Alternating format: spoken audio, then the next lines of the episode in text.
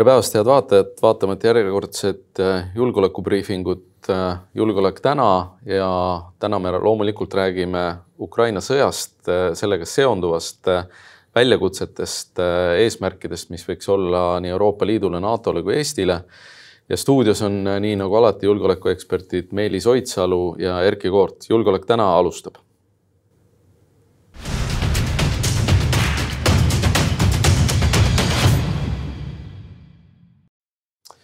me oleme jõudnud siis äh, sõja seitsmendasse päeva ja, ja olukord on äh, äh, päris mm, ühelt poolt õõvastav, sellepärast et tsiviilelanike vastu kasutatakse juba nii nagu muidugi Vene sõjavägi on alati kasutanud raskerelvastust, sellist konkreetset hävitamist.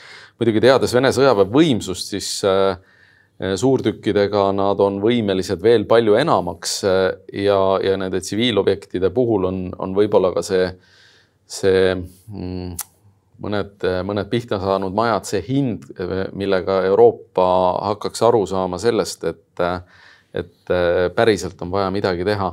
ja võib-olla ka see, et, et selle esimese seitsme päeva jooksul Ukraina on teatanud äh, viie tuhande kaheksasaja Vene sõduri hukkumisest.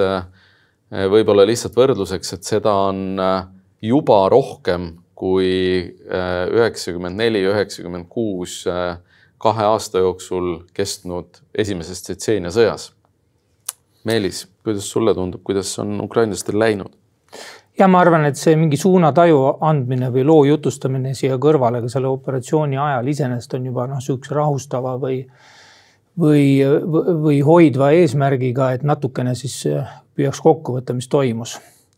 Äh, Venemaa siis ründas ka Ukraina jaoks üllatuslikult äh, jõhkralt nende riiki sõjaliselt. Ameerika Ühendriikide president ütles, et nemad sinna ei sekku. Venemaa algne kontseptsioon oli üles ehitatud sellele, et noh, et see üllatus ise murrab juba moraalselt Zelenski selgroo ära. Zelenski on noh, selle kriisi vältimatu kangelane, ta on noh, praegu ütleme vaba maailma liider. Zelenski kohta on öeldud, et ja. Putin pidas teda klouniks, aga selgus, et tegemist on jokkeriga jah, ja tal on ilmselt noh, mune ja hinge sees rohkem ka kui Bidenil. et täna hommikul ma vaatasin USA kongressis oli noh, tohutud toetusavaldused seal inimesed äh, suvatsesid pingilt oma tagumikku üles ajada ja plaksutada püstijalu Ukraina toetuseks, see on väga noh, südantsoojendav, et nii mehiselt sekkutakse sellesse olukorda, kus iga päev äh, sureb äh, Ukrainas lapsi lihtsalt robustse sõjategevuse mm, käigus ja, ja noh, ütleme ma ei, ma ei taha siin väita, et mingi tehing on toimunud Bideni ja Putini vahel. aga meil on siin optiline probleem. meil on see probleem, et sellist tehinglikkust Biden ise kohe sõja esimesel päeval justkui indikeeris võeti noh, nii-öelda lääne sekkumise, sõjalise sekkumise võimalus retoorilisel tasemel maha. võib-olla see on mingi ülikaval plaan, kuidas hiljem siis üllatada Putinit ja ta jalust lüüa, otsitakse sellest nagu selleks nagu momenti. ja mina seda küll praegu ei näe. aga praegu seda näha ei ole ja ka sellised valikud, kus noh, meil ongi sellel operatsioonil on kaks mõõdet, mida tuleb arvestada.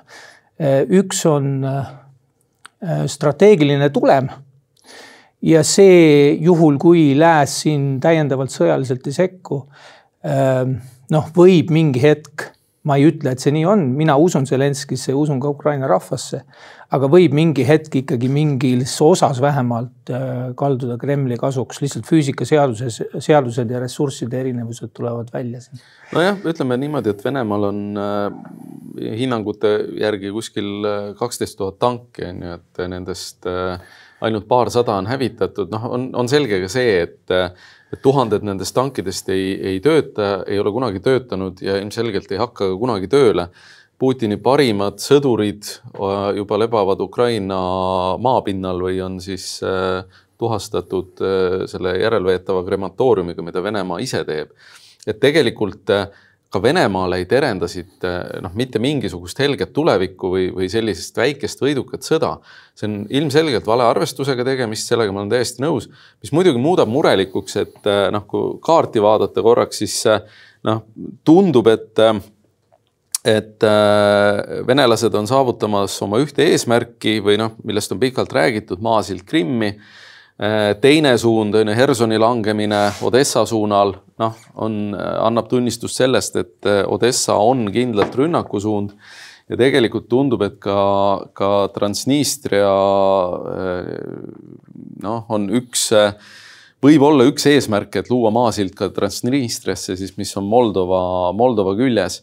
Ja, ja noh, ütleme, et see edenemine on olnud aga, aga kui vaadata neid territooriume, siis, siis selgelt eh, Vene armee on osutunud oluliselt võitlusvõimetumaks, kui, kui võib-olla me kõik prog oh jaa, prognoosinud oleme. see on korralik shit show, aga me peame arvestama ikkagi seda ka, et Putin ei ole ja Vene armee ei ole kogu oma õhuvõimsust kasutusse tegelikult võtnud.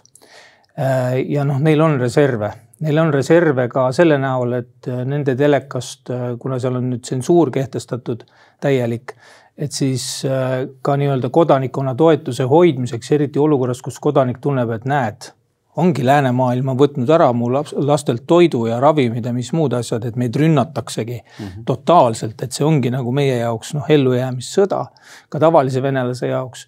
et, äh, et noh, et see teleka mm, võim äh, noh, ka need riskid mõneti maandab ära. mis nende kaartide juures on hästi oluline et me iseennast ka siin selili ei analüüsiks, on see, et need punased alad ei ole noh, okupeeritud alad otseselt, need on alad, kuhu Vene väed on ilmunud, kus nendega on sõditud. mõnede osas on väikeste punktide üle kontroll, aga see ei ole praegu Vene vääramatu okupatsioonikaart siin. ja minu arust kõige paremini ju tegelikult iseloomustavadki võib-olla need noh, nagu kuidas ma ütlen siis teed mööda, tundub, et teede, teede selline hõivamine, see on tegelikult sama fenomen nagu oli, oli Süürias ja, ja Iraagis, kui ISIS võttis võimu, et, mhm. et kaardid, mida tegelikult esitati avalikult, olid noh, tohutult sellised mustad alad on ju ISISe käes noh, tegelikult oli tegemist suurte kõrbealadega, kus noh, ongi ainult mõned teed, mida ISIS kontrollis toona. ja selle disclaimer'i siin... ma soovitan tegelikult kõikidel meedia no, vaata, väljaannetel ka juurde on, panna kaartidele. ja see on, see on ja hea mõte, et lihtsalt Äh, adekvaatse info saamine on võrdlemisi keeruline, et sa saadki noh, käsitleda mingisuguseid territooriume, kust sõjateateid tuleb. aga, aga sõjateateid tuleb, tuleb päris palju ja tegelikult noh, üks feno-, fenomen, mis kindlasti on ka venelastele väga suureks pähkliks, on Harkiv ikkagi, et äh, üks koma neli miljonit, rohkem inimesi kui Eestis, suurelt jaolt venekeelne linn ja sõdib venelastega, eks mm. noh, nagu viimastest uudistest on kuulda, öösel maandasid venelased seal oma dessandi. Eh, huvitav on see, et kõik nende dessandid on täielikult ebaõnnestunud täna. Eh, kõik need lennujaamade hõivamise katsed, kõik diversiooniaktid, et tegelikult nad ei ole suutnud ennast sellisel kujul maksma panna, nagu võib-olla need eriväed noh, nagu peaksid nagu idee järgi tegema. ja mul jäi enne lause pooleli, et ma rääkisin, et sellel konfliktil on kaks mõju äh, või mõõdet, üks on see strateegiline tulemus. Ja seal võib-olla tõesti noh, lääs on valinud selle nii-öelda äh, hübriidmaailmasõja äh, meetodi. Ja see ei pruugi olla vale valik, aga me selle strateegilise tulemi jaoks aga me peame vaatama ka seda protsessi ja vaatama tsiviilelanikkonna kaitstust ja humanitaarolukorda. ja ma väidan, et see on tänaseks läinud juba noh, sinna äh, maani, kus vähemalt tuleb arutada ka NATO-s sedasama Zelenskõi eilset äh, või millal ta tegi seda avaldust, äh, et ikkagi Ukraina õhuruum sulgeda jõuga. selle probleem on muidugi otsene kohene konflikt ja otsene kohene konflikt. võimalik muud moodi. just, aga noh, see otsene kohene konflikt, oleme ausad, on praegu Põhja-Atlandi lepingusse sisse kirjutatud mm. -hmm. me, NATO jaoks on parem pidada sõda äh, Ukraina territooriumil NATO-ga kui NATO pinnal. meie millegipärast siin valime sõda, juhul kui tegelikult Ukrainaga peaks ju, minema hästi, valime sõda, aga ma lõpetan oma lause ja. ära. see humanitaarolukord on praegu selline, et ükskõik NATO või ükskõik keegi teine keegi peab sekkuma. selle noh, me ei saa, NATO kaotab oma näo ja eile oli näha seda nägu kahjuks. mulle ei meeldinud ei Boris Johnsoni ega Stoltenbergi nägu. mulle valmistas rõõmu, et seal paistis siiras häbi Mm -hmm. aga minu jaoks on probleem, et nad ei ole tulnud sellesse operatsiooni, kus NATO nii-öelda uksed sulges kogu selle sõja ajaks äh,. ei ole tulnud isegi sisse mingi noh, meediakontseptsiooniga, kus oleks võimalus rääkida rasketest küsimustest. no tundub, et me oleme jälle valinud Euroopas ja NATO-s Chamberlaini tee, mitte Churchilli tee, et. ja, ja äh, sellel on ka oma põhjus, ajalooline põhjus, miks äh, tol ajal tehti selliseid valikuid, ma arvan, ka Putin tunneb ajalugu. ta teab, et ka sellised väga suured nii-öelda eh, noh, et lääs on aeglane reageerima ka väga no, suurtele selle, jubedustele, USA tuli mäletatavasti. sellepärast, et sa pead ju ja. kooskõlastama väga paljude riikidega, on ju, Venemaa ei pea kellegagi kooskõlastama, sisuliselt on tegemist ühe mehe show'ga, on ju. USA tuli teatavasti ju ka teise maailmasõtta alles siis, kui noh, teda ja, ennast seal pommitati, seni muide... üritati samamoodi nagu praegu üritame Lend-Lease. mis on muide hästi huvitav, on see, et, et NATO on öelnud, et või noh, ütleme siis Stoltenbergi suu läbi eile ja ka Johnsoni suu läbi läbi, et NATO on kaitseorganisatsioon, NATO ei ole ründeorganisatsioon. tegelikult ähm, on see noh, totaalne enesepettus, sellepärast et kui nüüd Boris Johnson nagu hästi meenutab, siis äh, Salisbury rünnak tema enda territooriumil pandi toime väga selge erioperatsiooniga äh, sõjaväeluure GRU poolt, äh, et likvideerida keemiarelvaga siis inimesi Euroopas. Teiseks Tšehhis ja Bulgaarias õhku lastud laskemoonalaod on otsene sõjaline akt NATO territooriumil.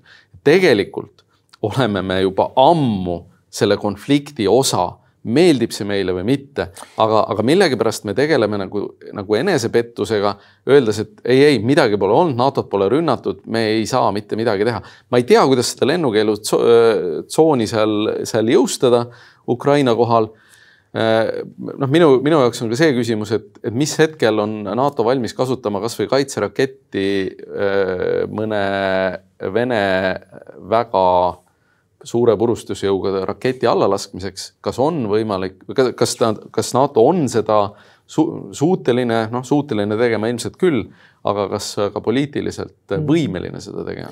miks just äh, siin noh, Eestis ja Baltikumis kogu see NATO sekkumise temaatika tegelikult, meie kanname kõik strateegilised riskid kõik strateegilised riskid, mis selle muutuse noh, juhul kui see saab ebasoodsaks, see muutus äh,, kannab Baltikum, sest et äh, noh, ma ei räägi sellest, et siin peaks olema ilmtingimata ähm, ilmtingimata see stsenaarium, et meid rünnatakse, sihukest automatismi ja fatalismi ma ka ei evi. aga on selge, et, kui peaks Putin suutma pärast ka väga verist sõda. Putinil on noh, öö vahel kaks Tšetšeenia sõda, ta on seda kõike juba teinud. ta on konsolideerinud ära, ta teab, see võtab aega, aga ta on konsolideerinud ja seedinud ära noh, ikkagi terveid siukseid mägiseid maatükke ka mm. -hmm. et et no, ja, ja tal on see kogemus, ta teab, et see võtabki. Tsetseenia ta verd. ikkagi ja. suutis allutada seeläbi, et ta suutis seal liitlased endale saada, mitte seeläbi, et Vene armee oleks olnud võitlusvõimeline ja edukas. aga, aga noh, et isegi kui nad äh, saavutavad sellise nii-öelda kompromissi lõpuks, et äh, Ukraina ikkagi tükeldatakse, siis äh, sellest tehinglikkuse maigust siin lääs üle kuidagi ei saa ja NATO täpselt samamoodi. ja noh, ja, ja, ja siis ongi küsimus, et miks me läheme tagasi sinna arvan, aega, kus me lubasime, et me kunagi ei ole? ma arvan, et seda tehingut ei ole tehtud äh,. ei, kindlasti äh, ei ole, ma ei ole ka hulluks läinud, ma olen poolel teel sinna praegu, aga. ma arvan, ma arvan, et seda tehingut ei ole tehtud ja äh, noh, midagi ei ole teha, eks mulje sedapidi tõesti vähesest reaktsioonist jääb. ma arvan, et Ukraina noh, kindlasti vajab väga suures mahus relvastust, väga suures mahus rahalist abi aga noh, on selge, et Putin ei kohku tagasi mitte mingisuguse relva kasutamise eest Ukraina vastu, sest ta saab väga selgelt aru, kui ta kaotab Ukraina, kaotab ta võimu, sest ta ei saa jääda võimule kaotatud sõjaga Ukrainas, olgu ta siis saab lüüa ukrainlastelt või, või tekib konflikt NATO-ga. see on, ma, ma ostan selle nagu stsenaariumi isegi ära, aga vahepeal saavad tsiviilelanikud surma.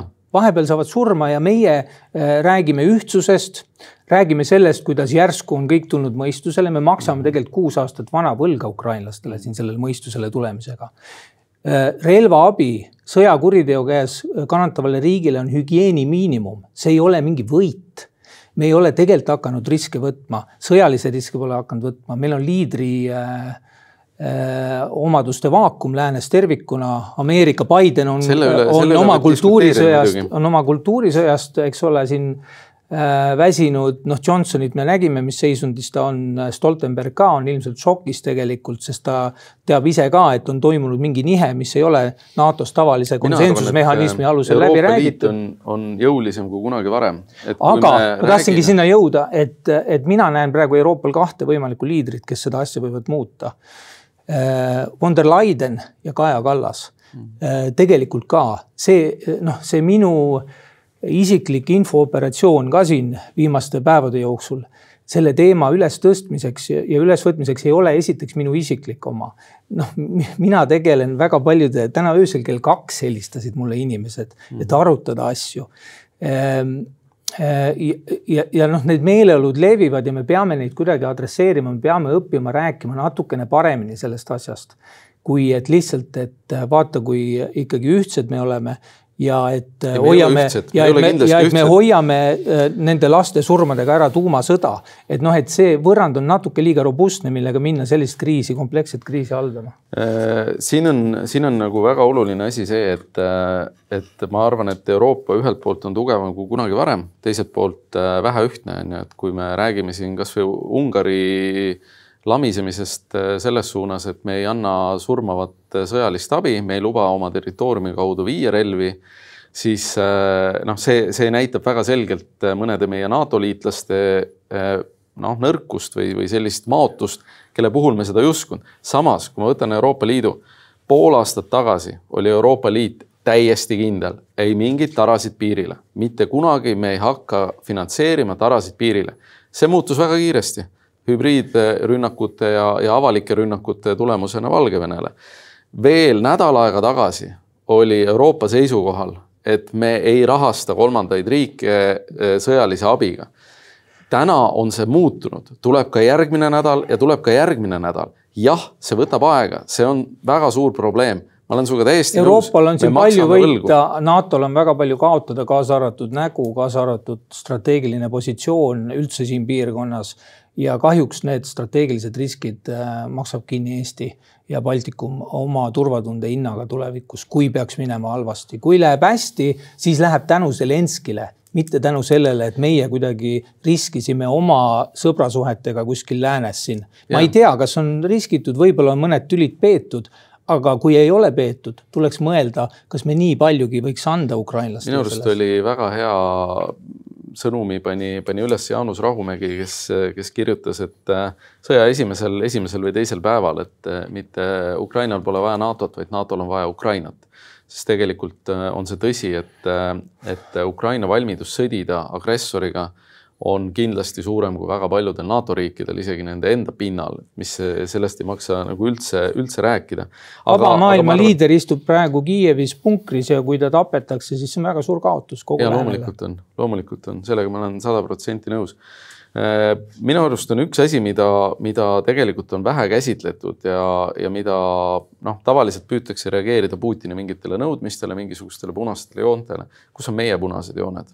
Mis, mis on need kohad, kus äh, Euroopa ja NATO ütlevad, et kuulge, sõbrad, kui te teete seda, siis me sekkume konflikti. mis hetk see on või mis on nagu järgmised nõudmised?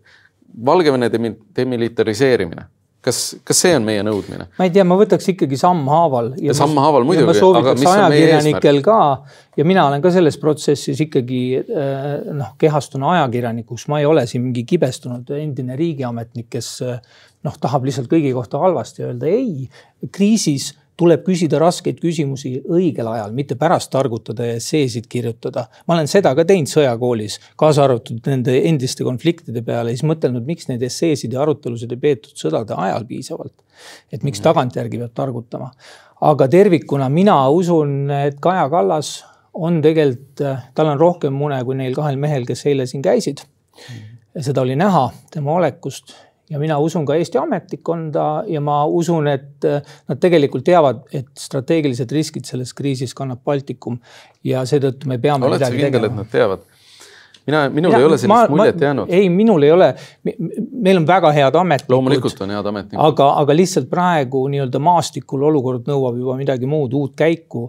ja ma eile käisin ETV-s uue, UV Faktori saates ja ma ikkagi saan aru, et tegelikult meie inimestele, otsustajatele ei ole see väga kohale jõudnud, räägitakse ikka seda ähm, ühtsuse jutupunkti, räägitakse sellest, kui oluline, et britid tõid siia tuhat äh, no ma arvan, et seda on ka võimatu praeguses kriisis mitte teha, et selles suhtes, et seda, seda ühtsust tuleb rõhutada ja, ja lõppkokkuvõttes on see, et. absoluutselt, mina, Euroopa Liit on tugev ja ühtne. ma olen ka täiesti, aga teeme sellega siis midagi, selle ühtsuse. sellele, eks, et, et meil plaan B on äh, selgelt olemas, meie plaan B on NATO, meie plaan A on meie enda sõjavägi et äh, kui siin Helme rääkis kogu aeg mingist plaanist B-st on ju, ajas mingit juttu sellest, et kuidas soomlased meile appi tulevad. noh, on näha, kuidas Soome ühiskond on täna väga selgelt keeranud ennast juba NATO, NATO suunda või häälestunud. nii et selles suhtes äh, mingi võib-olla kahe aasta pärast ongi olukord, kus me saame öelda, et jaa, või Soome on NATO-s, Soome ja tuleb meile appi. Mis selles kriisis veel silma paistab, on see, et riikide elanikud, lääneriikide elanikud on võtmas vastutust valitsuste eest. Rootsist kuuldavasti nelisada vabatahtlikku läks sõdima, ma kuulen ka oma tuttavatelt Luksemburgist näiteks öeldi, et lääne sõdurid puhkuse ajast lähevad Ukrainasse sõdima. elanikud võtavad juba vastutust, valitsused istuvad ja noh, tegelikult ja ma palun ajakirjanikel ka seda tööd teha Zelenskõi esitas NATO-le taotluse selle, selle, selle humanitaaroperatsiooni ah, läbiviimiseks. kas NATO seda arutab, millal? kas Kaja Kallasel on selle kohta seisukoht, mis see seisukoht on? Ja kas sellel seisukohal, noh, sellel jutupunktil on ka rohkem sõnu, kui eile seal pressikonverentsil välja käidi, sellest ei piisa, see ei usu, see noh, see ei müü äh, väga küüniliselt rääkides. see lihtsalt ei ole enam usutav. me peame tegema järgmise sammu. mina usun Eesti valitsusse, usun Kaja Kallasesse, usun ka sellesse, et headus lõpuks võidab aga, aga, aga selline olukord, kus humanitaarolukord on läinud nii hulluks. Äh, me peame tegema ka oma väga heale valitsusele selle olukorra ebamugavaks. Äh, äh, noh, iga päev on arvel siin nende la Ukraina laste ja tsiviilisikute jaoks. sellega, sellega ma olen nõus, aga noh, kuuldavasti on juba eile tulid uudised, kus ka Venemaal on oluliselt kasvanud sõna äh, otsing emigration ehk äh, emigreerumine, et tegelikult Venemaal olukord kindlasti läheb veel ebamugavamaks see on selge, et eh, ühelt poolt tekib mingisugune koondumine välisvaenlase vastu, noh, see on paratamatu, see juhtub alati.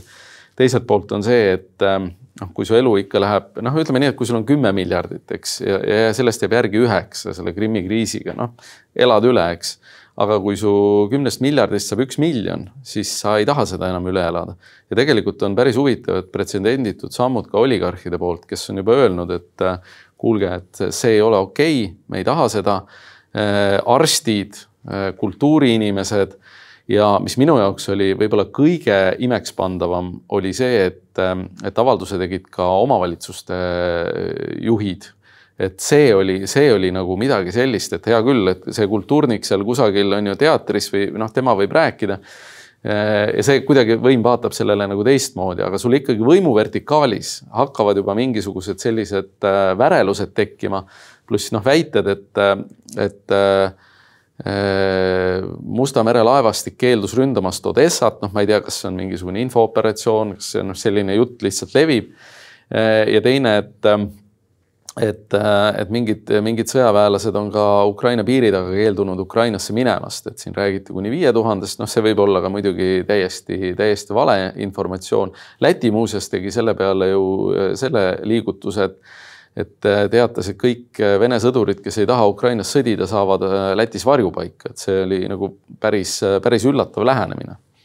ja et noh, siin tulebki mõelda hübriidselt ja kui noh, mõelda tulevikule mõelda sellele lääne irratsionaalsele hirmule sõja ees Venemaaga, siis võib-olla peame ka oma kaitseväe ladudesse ostma sada tuhat vormi, et saaks tulla siis äh, Ameerika, Briti ja, ja Prantsuse sõdurid ja panna need selga ja astuda meie armee teenistusse kohe sõja esimesel päeval. ka see võib olla lahendus aga me peaks natuke rohkem neist asjadest rääkima. ma ei ütle ja ma olen seda igal pool, kus ma olen kirjutanud ka, ma ei ütle, et lääne valitsusstrateegia on ilmselgelt vale. ma ütlen seda, et on vale, et me laseme humanitaarolukorral halveneda ja me ei suuda isegi polsterdada ja põhjendada, miks see ikkagi niimoodi on see on sõja paratamatus selles suhtes. sõjas tuleb teha on... raskeid otsuseid, aga ja, mingi hetk peab vähemalt näha olema, et NATO kaalub ka mingite sõja, sõjaliste riskide võtmist. minu jaoks. miks sa arvad, et soki seisundis lääs on praegu nagu kõikides äh, äh, punktides adekvaatne, ma arvan, et ei ole ei olegi ja ilmselgelt see adekvaatsus ka sellest ühtsusest ja tuumasõja ärahoidmise äh, suurest lubadusest äh, nähtub. ilmselgelt äh, noh, antakse eetrisse jutupunkte, mis ei ole piisavad ja, ja noh, on aeg hakata rääkima rasketest küsimustest Mm -hmm. see ei ole kius, see on lihtsalt demokraatlik protsess. meie saame siin seda rääkida, Venemaal seda väga teha ei saa teistmoodi, kui sa emigreerud. siin me saame, küsimusi saame küsida, arutada saame, suunataju luua ja agentsust ka tuleviku tarbeks, sest me peame, sõjas ongi rasked valikud, me peame nendega õppima elama, aga neist tuleb kõigepealt rääkida. kui me vaikime mm, -hmm. siis võimalus, et me pärast suudame seda kõike ära seedida, on väiksem. absoluutselt, sellega, sellega ma olen sada protsenti nõus, et, et asjadest tuleb rääkida ja, ja ikkagi noh, minu siis äh, visioon või, või küsimus äh, tegelikult valitsustele on see, et kus on meie punased jooned, miks meis on äh, vähe agressiivsust, miks me ei tee Venemaale tema enda relvadega tegelikult nagu täna teeb seda Ukraina. Ukraina on ka strateegilises kommunikatsioonis ikkagi olnud väga tugev ja, ja muidugi noh, suur osa sellest, mis seal salata, on ka selle karismaatilise liidril, et, et see on tõsi, et, et Euroopa tänane liider istub, istub Kiievis. see on, see on nagu selge. aga et teemad kokku tõmmata, mis on, mis on järgmised, järgmiste päevade prognoos? no prognoos on see, et tuleb Ukrainasse ka üha rohkem vabatahtlikke, kahjuks vist ka Eestist liiguvad inimesed sinna. sest ma ei pea, tegelikult ma olen kaitseväega ühel nõul, ma ei pea seda õigeks, et riigid ilma valitsuse kaitseta võtavad nii suurt vastutust äh, geopoliitiliste arengute eest. ja see on etteheide riikidele, mitte elanikele. see on etteheide riikidele, mitte elanikele. ma arvan, et NATO on ka tehtud selleks, et tsiviilelanikud ja et ka mingid vabast ajast puhkusel olevad sõdurid ei käiks sõdu pidamas, vaid seda teeksid väljaõppinud inimesed, kes teavad muuhulgas force protection'i reegleid, kuidas ellu jääda sõjas, kuidas ja mis piirini eskaleerida mingeid olukordi, et see ei läheks nii-öelda, nagu me ütleme oma ühepulgalise eskalatsiooniredeliga kohe tuumasõjaks. selleks on meil välja õpetatud professionaalid, nad istuvad NATO-s ja nemad väidavad, et nad panid ukse kinni selle operatsiooni ajaks siin. ja mhm. see on minu jaoks probleem. Tsiviilelanikud võtavad vastutust, professionaalid eh, istuvad ja me ei tea tegelikult, miks. Me ei tea seda.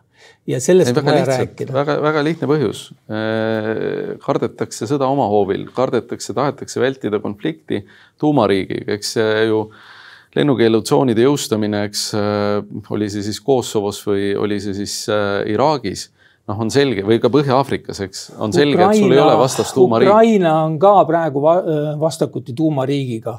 ta on tapnud nagu kärbseid inimesi seal ja, ja noh, nemad võtavad sedasama riski. aga, aga see on see, kuidas mõtlevad asjast äh, lääne liidrid ma ei tea, kas nad üldse äh, midagi mõtlevad. kindlasti mõtlevad ära nüüd nii ka ütlen nende kohta. No, sest ma, ma tahan näha, mis sellest Zelenski taotlusest saab. kas seda NATO-s keegi arutab, kas keegi midagi viitsib öelda selle kohta ka, ka või mitte? ka samamoodi Zelenski Euroopa Liidu taotluseks, mida eile Euroopa Parlament arutas ja, ja pakkus välja, et võiks, võiks võtta ju kiirkorras Ukraina vastu küll või, või vähemalt sellise eelhoiaku andis nüüd noh, seesama küsimus, et Euroopa Liit ja NATO ei, ei kattugi alati, aga kui äh, kui äh, Euroopa Liidus äh, või ütleme niimoodi siis, et kui rünnaku alla satuksid Euroopa Liidu riigid, kes täna ei ole NATO-s, Soome, Rootsi, Austria, kas siis neile laieneks NATO kaitse? ilmselgelt laieneks, et ma, ma ei kujuta ette, et Euroopa Liidu vastu oleks võimalik sõdida ilma, et sa läheks konflikti NATO-ga. ja, ja ma olen noh, täiesti seda meelt, et, et läänes on täna vähe agressiivsust, lääs on kaitsepositsioonil ja tegelikult äh, nende punaste joonte peegeldamise asemel peab lääs panema paika oma punased jooned ja seda täna ei ole. ma ei näe, mina ei arva, et läänes on vähe agressiivsust, minu arust ongi, läänes on natuke liiga palju agressiivsust, me seome agressiivsusega ka puhtalt äh, tsiviilelanikkonna kaitse äh, operatsiooni, sensitiviseerime selle kui tuumasõda vallandava sündmuse ära. see ei ole noh, sünnis rääkida sellest kui mingist tohutust eskaleerivast agressioonist. see on, noh, tänaseks on see juba inimkonna kohus, mitte enam NATO ja Euroopa Liidu kohus. Aga liidrid peavad esile astuma, mina usun von der Leidenisse, mina usun veel kord Kaja Kallasesse, ma arvan, ta on Euroopa masti liider ja tal on tegelikult võimalus e, üht-teist muuta. no seda me, seda me näeme kohe järgnevatel päevadel, aga noh, on selge, et et e, arengud toimuvad, Vene vägi ilmselt tammub jätkuvalt paigal ka järgnevate nädalate jooksul ja me kindlasti räägime nendest arengutest ka edaspidi aga tõmbame tänase saate kokku ja aitäh teid vaatamast ja äh, Slava Ukraini!